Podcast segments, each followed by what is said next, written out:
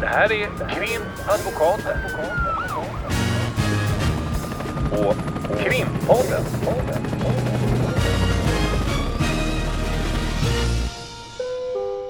Parter och ombud kallas till sal 32. Hej Ulrika! Hej Lotta!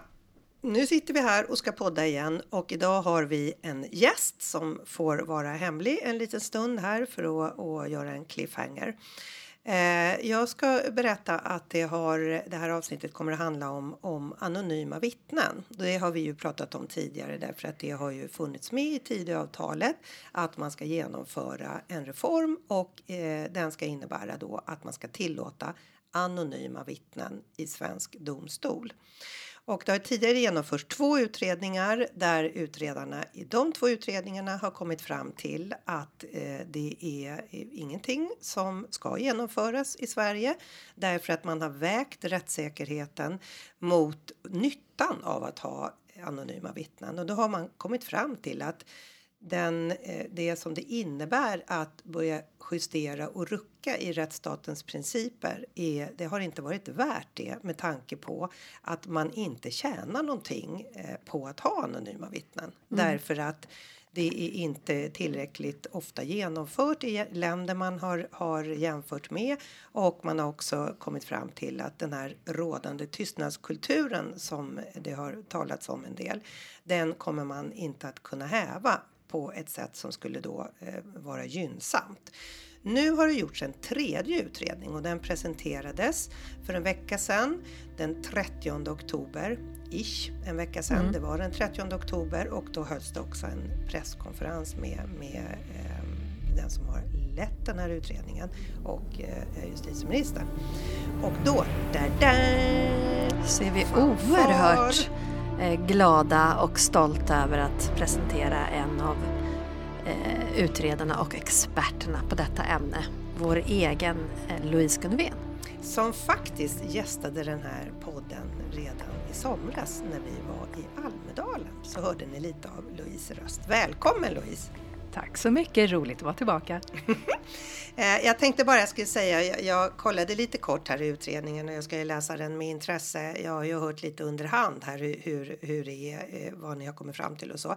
Men jag tänkte bara gå igenom det, för du är ju då en advokat och, och har varit med i din advokatroll och då har du ju då varit inte bara advokat utan det har varit Åklagarmyndigheten, Ekobrottsmyndigheten, eh, Domstolsverket och även domare från tingsrätt och ifrån hovrätt och sen har Brottsförebyggande rådet varit med, Polismyndigheten eh, och Justitiedepartementet.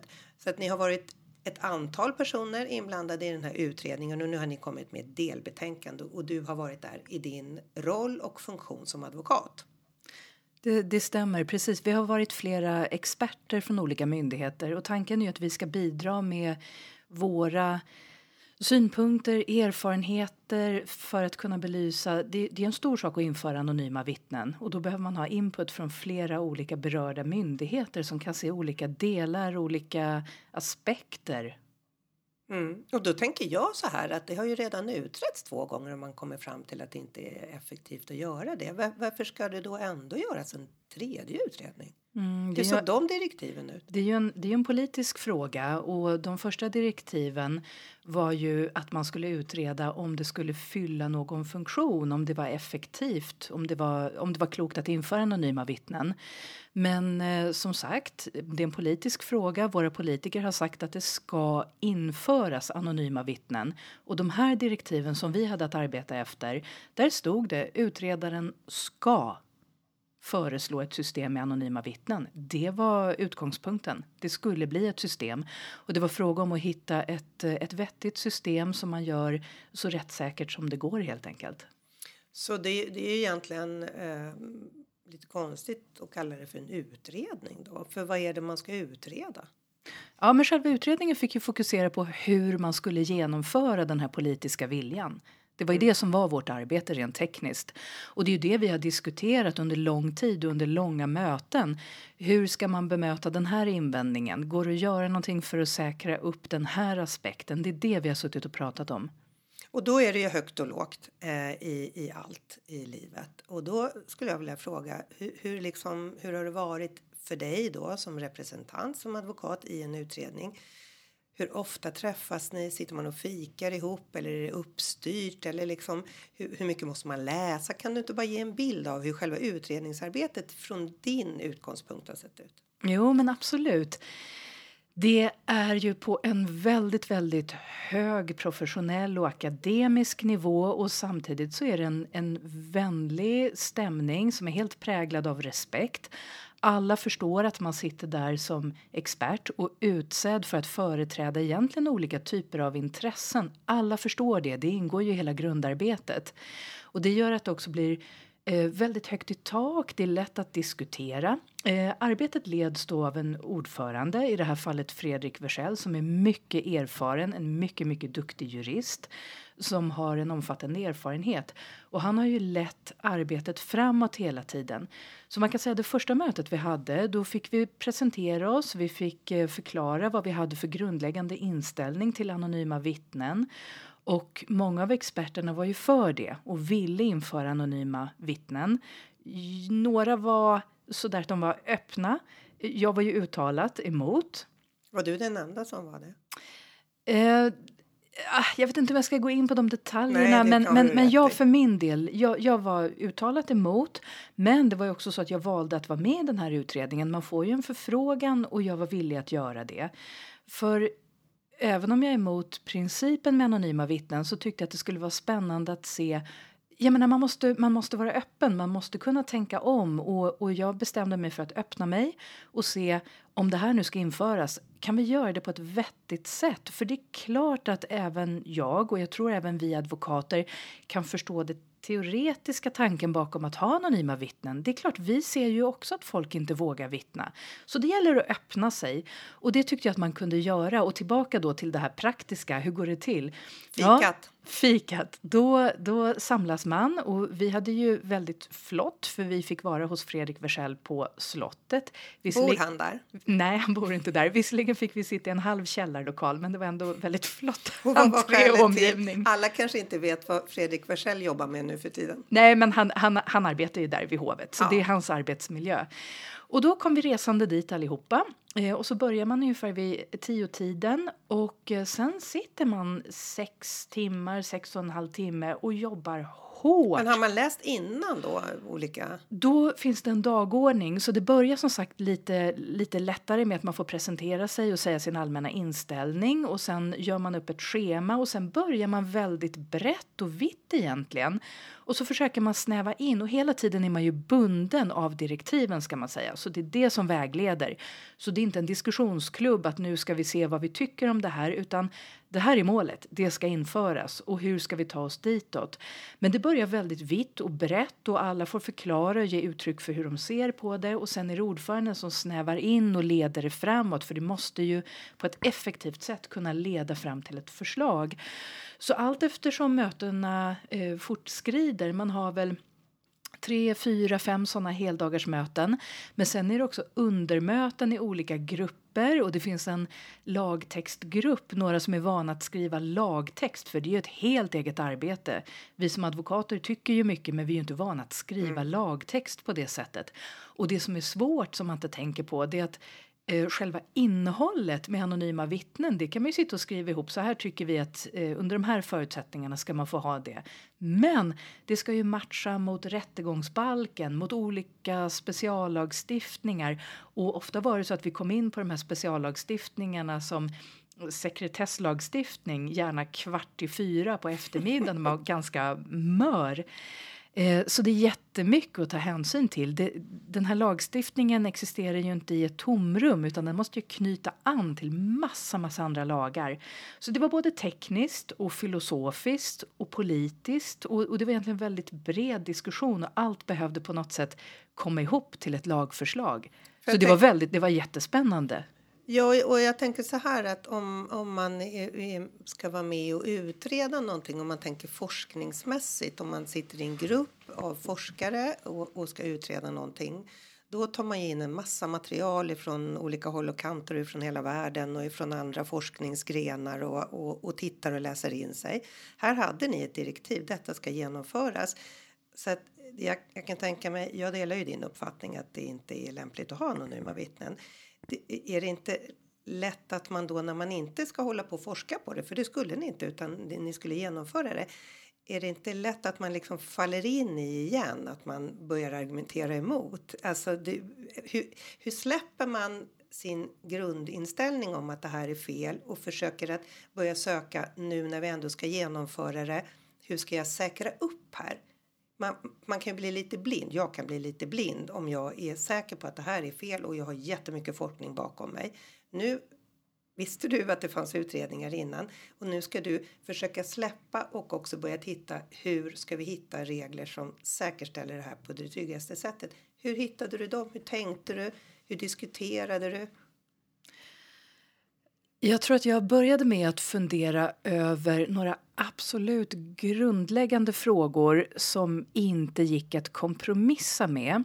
Och de tänkte jag att det här, här måste jag stå fast genom hela utredningen vid de här frågorna. Eh, några av frågorna som, som jag bestämde mig för att bevaka det är att det måste stå som Eh, ett uttryckligt krav i lagtexten att man måste väga in de men, alltså de nackdelar det blir för försvaret att ha ett anonymt vittne. Det måste stå uttryckligen, det får inte gömma sig något sånt där eh, man ska fundera över den samlade bilden utan det måste stå uttryckligen att eh, det kan bli besvär för den som är misstänkt eller tilltalad, alltså åtalad för ett brott. Det måste stå uttryckligen att det ska vägas in i bedömningen om det är lämpligt med anonyma vittnen. Och sen tyckte jag att det var jätteviktigt att som försvarsadvokat kan man inte ha mer information än vad ens klient har. Så det var också för mig en sådär grundläggande stöt och sten att vi får inte hamna i att advokaten vet vem vittnet är men får inte säga det till sin klient. Det, det blir för eh, tudelat. Det, det går inte i linje med vår lojalitetsplikt och att vi inte kan ha det här informationsöverskottet. Så det var viktigt för mig. Och sen var det också väldigt viktigt att eh, dels att vi advokater ska veta lika mycket som våra klienter men att klienten faktiskt skulle få höra hela vittnesmålet även om det är en scramblad röst eller vittnet sitter bakom en skärm eller vad det nu är att det inte ska vara en sammanfattning av en utomstående part utan man får sitta och lyssna på allting. Det var för mig liksom miniminivåer. Och då tänkte jag att det är det här jag får arbeta efter. Sen fanns det frågor som jag inte tyckte var lika intressanta, till exempel de här lagtekniska frågorna, hur man kopplar ihop det med annan lagstiftning. Där var det mer domarna som hade olika mm. synpunkter. Så att man får välja ut sina strider på ett sätt. Eh, och sen får man argumentera. Och jag ska säga att det var väldigt högt i tak. Det var lätt att argumentera och jag tror att alla förstod vad Advokatsamfundet och vi advokater skulle tycka och det är ju helt legitima synpunkter. Eh, och jag upplever också att det gick att få gehör för just de här frågorna man hade valt ut och tyckte var viktiga. Och vi hade ända in i det sista verkligen fruktbara diskussioner och jag ska säga att det var ömsesidigt att alla lyssnade, alla tog emot, alla var också beredda att, att tänka om. Det var en öppen diskussion. Det gick att ha det. Så det är så det fungerar. Det, det, är så man ändå kan arbeta, vad ska man säga, lite motströms. När det gäller en fråga som man egentligen är emot så går det ändå att uh, arbeta praktiskt med det. Och jag tänker också att det är mycket så vi arbetar dagligdags. När vi har våra ärenden man kan ha synpunkter och tankar både om det ena och det andra men vi arbetar ju med materien väldigt praktiskt. Så här ser det ut. Hur arbetar vi med det? Ja, det är jätteintressant att få eh, den här inblicken. Jag tänker om vi går tillbaka lite grann till det, det praktiska. Du sa ju att det, man sitter i flera timmar och, och, det är högt i tak och så vidare. Men under diskussionerna så går man ut och äter lunch tillsammans och pratar man om annat också för att jag menar, när, när man hanterar just sån här materia och det är på en väldigt hög nivå och så vidare så kan det ju vara ibland eh, både lämpligt och behövligt att man kanske pratar om helt andra saker för att få vila lite tankarna och kanske få nya idéer i att hjärnan jobbar själv så att säga. Fanns det utrymme för det och var det någonting man också gjorde tillsammans då eller gick alla iväg till sitt liksom? Så som det kan vara kanske när vi advokater sitter i samma mål så kan man ju springa iväg åt varsitt håll och sen så samlas man igen. Liksom. Hur, hur gör man i en sån här utredning?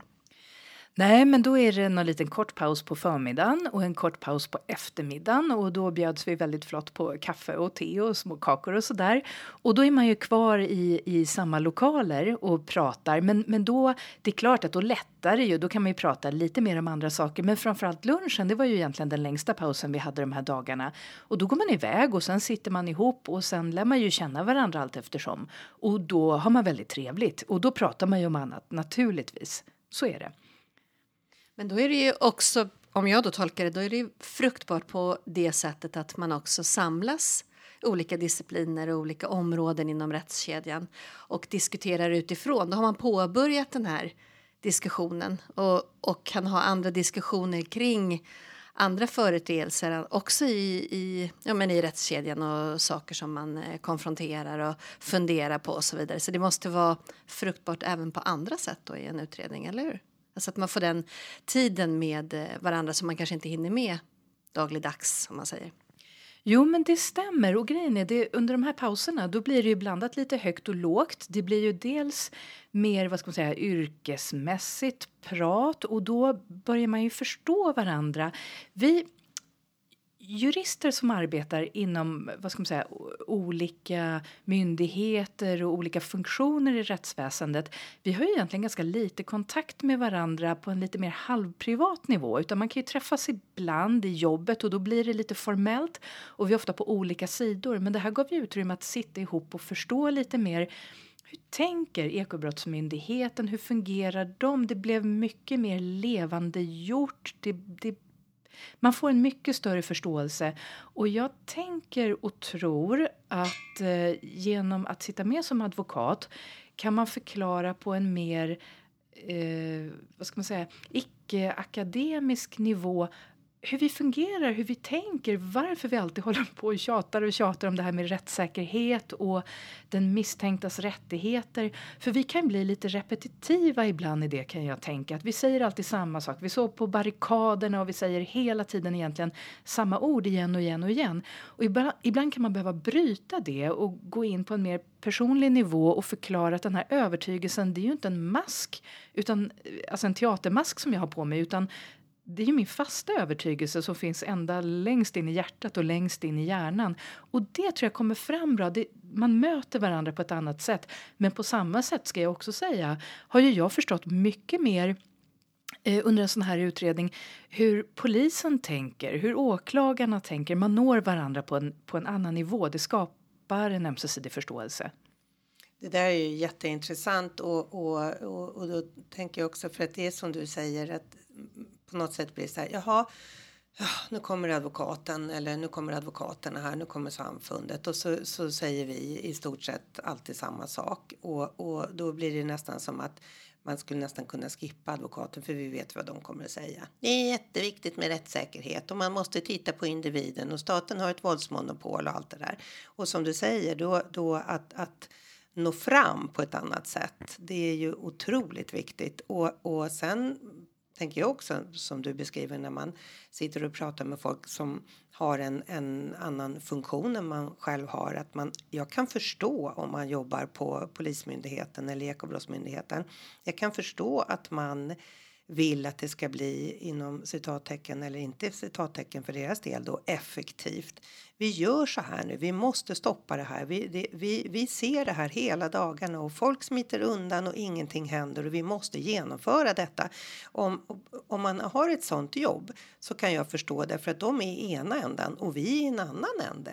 Medan vi ser då om det kommer in en ofullständig utredning eller en utredning som har en massa brister att, att vi kan tänka att det, det är ju ändå den enskilde det här drabbar och att domstolarna då skulle säga okej okay, fine vi kör på det här och sen så har vi anonyma vittnen så vi kanske inte ens behöver ha domstolsförhandlingar utan vi kör på. Därför är det så otroligt viktigt även, även för dem att höra vad vi grundar våran syn på.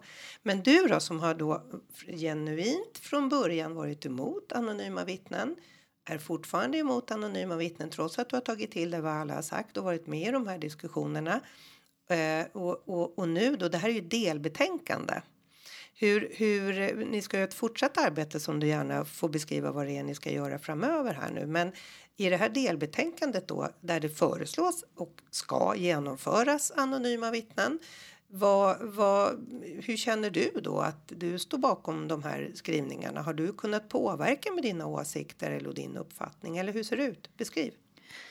Jag tycker att jag har kunnat påverka och det har gjort skillnad att ha med en advokat. Och som sagt, jag tror att alla, det är inte så enkelt att det är svart och vitt utan de som är förespråkare för anonyma vittnen, det är klart att de också ser svårigheterna. Det är självklart, det är ju en del av hela diskussionsunderlaget. Jag tror ingen tycker att den här frågan är enkel. Det som vägs mot varandra när det gäller anonyma vittnen det är att man måste kunna komma åt eh, brottslighet. Det är självklart. Det, ligger ju, det är en enormt stor och viktig funktion i, i rättsstaten. Och samtidigt måste den enskilde ha fulla möjligheter och rättigheter att försvara sig själv. Och det är ju den liksom, tudelningen som är svår att få till så att det blir en perfekt avvägning. Och vad man inte får tappa det är ju insikten att eh, när man sitter i en rättegång, när man ska lägga fram ett ärende till domstolen som ska pröva om någon ska dömas eller inte, då bygger det på ett tvåpartsförfarande. Så åklagaren ska ha möjlighet att lägga fram sin bevisning och faktiskt kunna driva ett ärende. Men vi som försvarare ska kunna ifrågasätta den bevisningen på ett effektivt sätt. För ofta är det ju så att när vi försvarar en person så försvarar vi inte utifrån att vi har världens alibi eller världens bevisning som säger att min klient var inte ens i Sverige vid den här tidpunkten.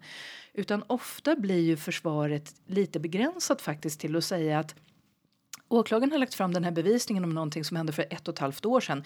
Min klient minns knappt vad han eller hon gjorde den dagen. Men däremot kan vi säga att det där vittnet som åklagaren har tagit fram det vet vi att den personen fanns inte ens på plats eller var inte ens i landet då eller vad det nu är. Eh, det där vittnet var visserligen på plats men var alldeles för långt ifrån för att ha kunnat se någonting. Det är mycket så vi arbetar. Vi ifrågasätter åklagarens bevisning. Och det är den möjligheten som lite tas bort när man har anonyma vittnen för då kan man inte längre bedöma det där vittnet den kan inte lyssna på för det är min värsta fiende på landet. Den personen är alltid missnöjd med att jag inte tar bort mina maskrosor. Eller vad det nu kan vara. Eller kanske mer sannolikt då, den personen eh, blev ihop med min förra tjej och de driver en vendetta. Eller förstår ni, det kan ju finnas mm. massa, massa anledningar som vi inte kan komma åt längre varför den här personen kanske vill ljuga. Och det har att göra med det som kallas för trovärdighet. Och sen har vi det som kallas för tillförlitlighet. Just att kunna bedöma med den personen kunde inte ha sett det där. För jag vet att den personen bor på fjärde våningen och det här var 80 meter bort. Eller vad det nu kan vara. Så det är den möjligheten som försvinner. Och samtidigt så kan vi alla inse att vi behöver kunna ta itu med brottslighet som är allvarlig idag. Jag menar alla jag tror alla förstår båda sidorna. Och det är det som är att man kan prata också väldigt, väldigt öppet om det. Och jag måste säga att utifrån premissen då att vi skulle få till ett system med anonyma vittnen så tycker jag att utredningen har gjort ett, ett jätte, jättebra arbete. Eh, jag förstår eh, hela skrivningen, jag förstår hur man har lagt fram det här.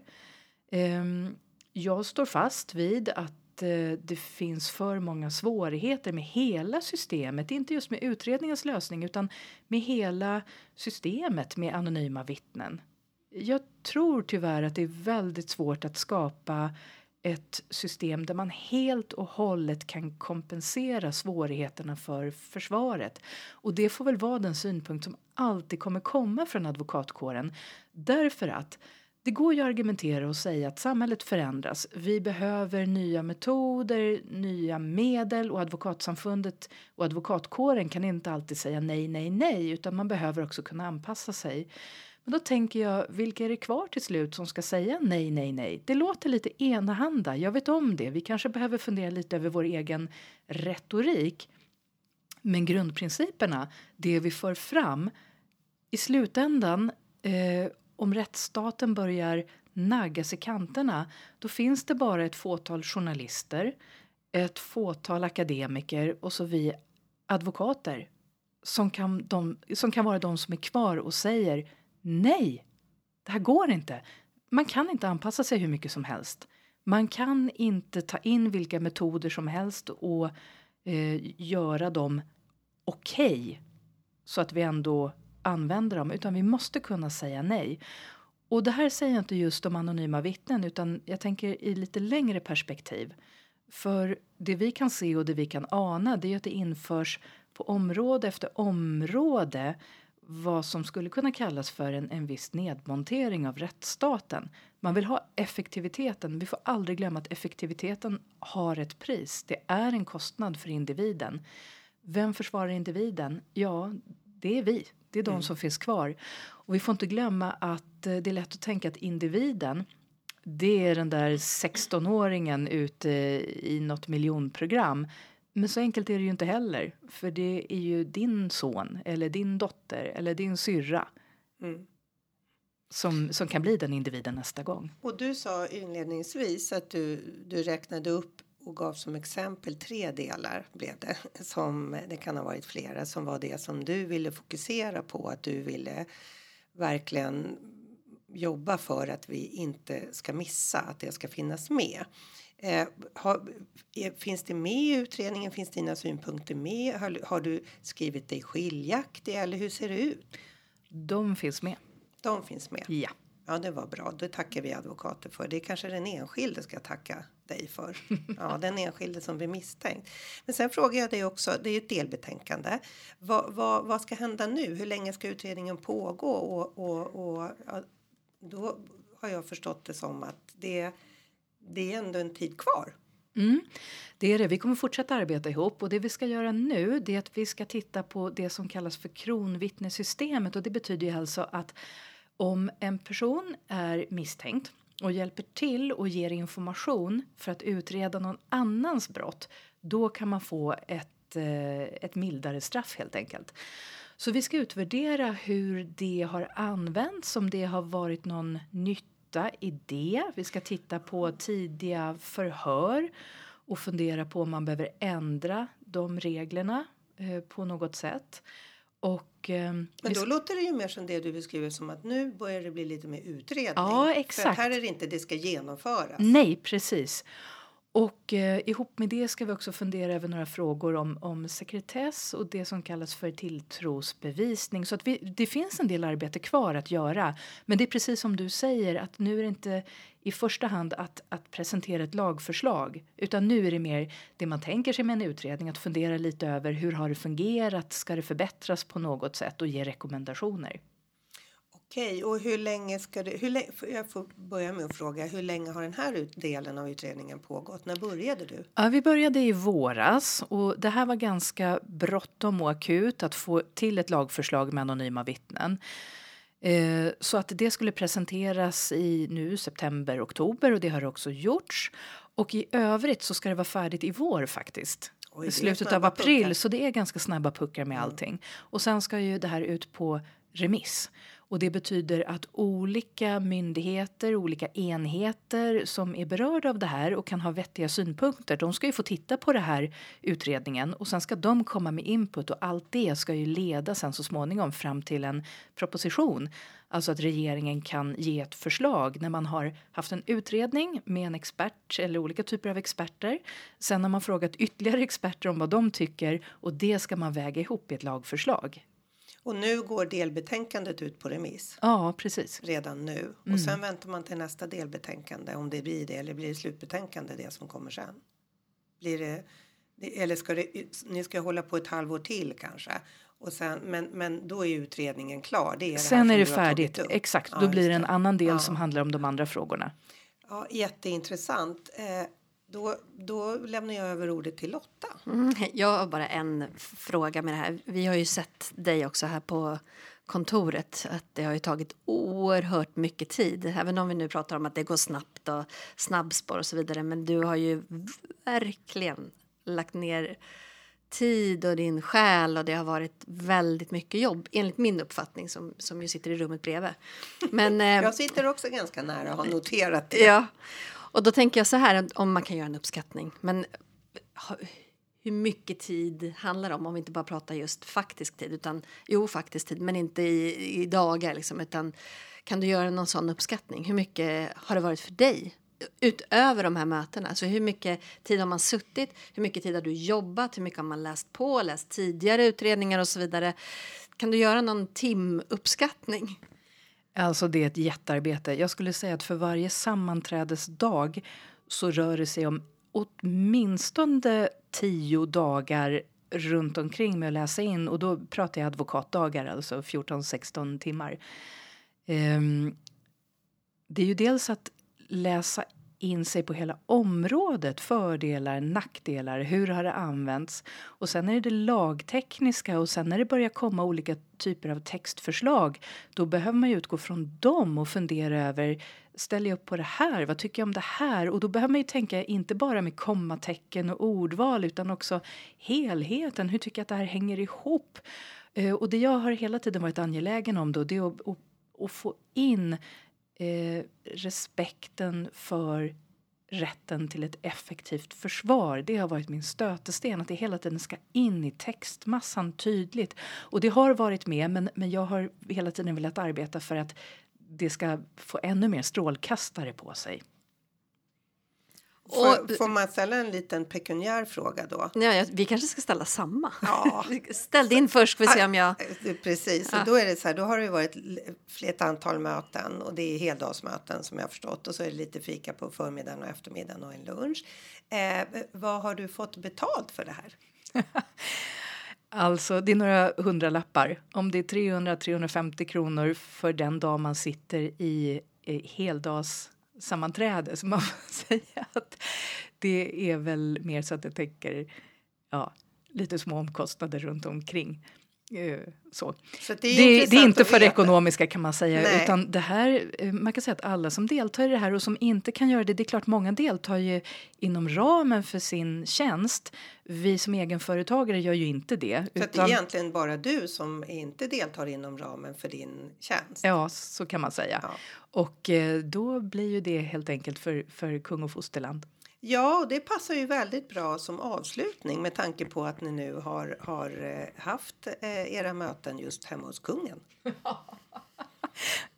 Snygg avslutning. Ja. då tackar vi och då skulle jag vilja säga det var superintressant att få höra och då förväntar vi oss att du sen eh, pro bono kommer hit och berättar om när nästa del kommer ut och när vi får höra om, om ja, de delarna som ska utredas nu. Det gör jag gärna. Mm, tack så mycket. Tack så mycket. Krimpodden.